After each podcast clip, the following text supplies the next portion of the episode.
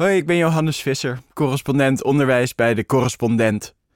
Smartphones zijn eindelijk de klas uit.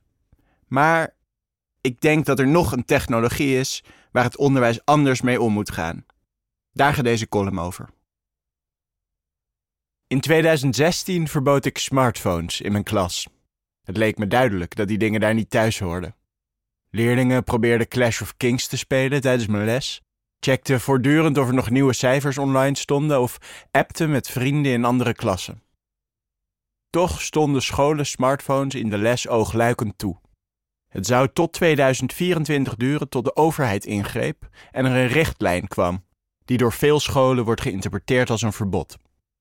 Inmiddels druppelen de eerste positieve berichten over het verbod binnen. Leerlingen zijn weer meer bij de les, appen in pauzes minder en praten meer. Op LinkedIn zag ik een foto voorbij komen van leerlingen die nu schaakten in de pauze, met een stuk of tien klasgenootjes om hen heen. En ze leefden nog lang en gelukkig? Nee. Er is nog een technologie die zo overduidelijk schadelijk is voor leerlingen en het onderwijs dat het gek is dat het er nauwelijks over gaat. Het digitale leerlingvolgsysteem. Afgelopen 10, 15 jaar zijn scholen daarmee gaan werken. Leerlingen kunnen in het leerlingvolgsysteem hun rooster vinden. Leraren zetten huiswerk en cijfers in apps als Magister en SomToday. Per les kunnen leraren erin aangeven of een leerling aanwezig is en of hij of zij het huiswerk heeft gemaakt. En ze vinken een vakje aan als een leerling eruit is gestuurd. Handig toch? Mwah. Niet alleen maar.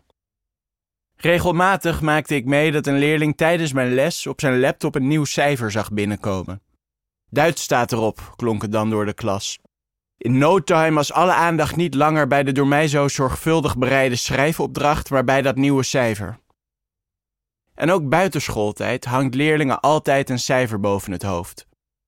S'avonds een 8 voor Frans, vlak voor het weekend nog even een 3 voor geschiedenis. Het cijfer van Damocles. Ook ouders kunnen meekijken in het leerlingvolgsysteem. Ze kunnen zien wat het huiswerk van hun kind is, in welk lokaal het op dat moment les heeft. En ze krijgen op sommige scholen een pushmelding wanneer hun kind een cijfer heeft gekregen. Aan het eind van de les bleef er eens een leerling bij mijn bureau hangen. Kunt u het cijfer alstublieft nog niet online zetten? Mijn vader gaat woedend zijn. Regelmatig zien ouders een nieuw cijfer eerder dan de leerling zelf. Laatst vertelde een leerling me dat hij in de pauze een appje van zijn vader las. Je hebt een 7 voor natuurkunde, goed gedaan. Zelf wist die leerling tot dan toe nog helemaal niet van dat cijfer af. Cijfers die op ieder moment online kunnen komen, zorgen voor voortdurende stress. Ouders die hun kinderen voortdurend op de vingers kunnen kijken, zorgen voor onnodige druk. Alwetende ouders houden kinderen bovendien onvolwassen. Omgaan met een slecht cijfer, dat cijfer geheim houden tot er weer een goed cijfer tegenover staat. Je ouders niet vertellen dat je eigenlijk veel huiswerk hebt. Het hoort allemaal bij een jeugd waarin jongeren naleren denken over problemen waar ze tegenaan lopen en zelf keuzes leren maken. De puberteit is ook de tijd dat ouders moeten leren loslaten. Zoals het me zeven jaar geleden overduidelijk was dat smartphones het lokaal uit moesten, is het nu klip en klaar dat scholen anders om moeten gaan met het leerlingvolgsysteem. Laat leraren cijfers pas online zetten als de nagekeken toetsen in de les zijn uitgedeeld. Of deel ze op een vast moment in de week.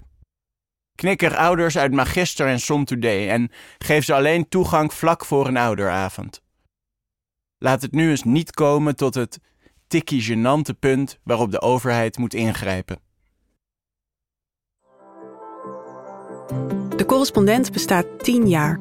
Al tien jaar maken wij journalistiek voorbij de waan van de dag. Journalistiek die niet polariseert, maar perspectief biedt. Die geen ophef najaagt, maar oplossingen zoekt. Wist je dat de correspondent 100% door leden wordt gefinancierd? Dat betekent dat we ons werk alleen kunnen doen als luisteraars zoals jij ons steunen. Word vandaag nog lid. En draag bij aan diepgavende, advertentievrije en onafhankelijke journalistiek.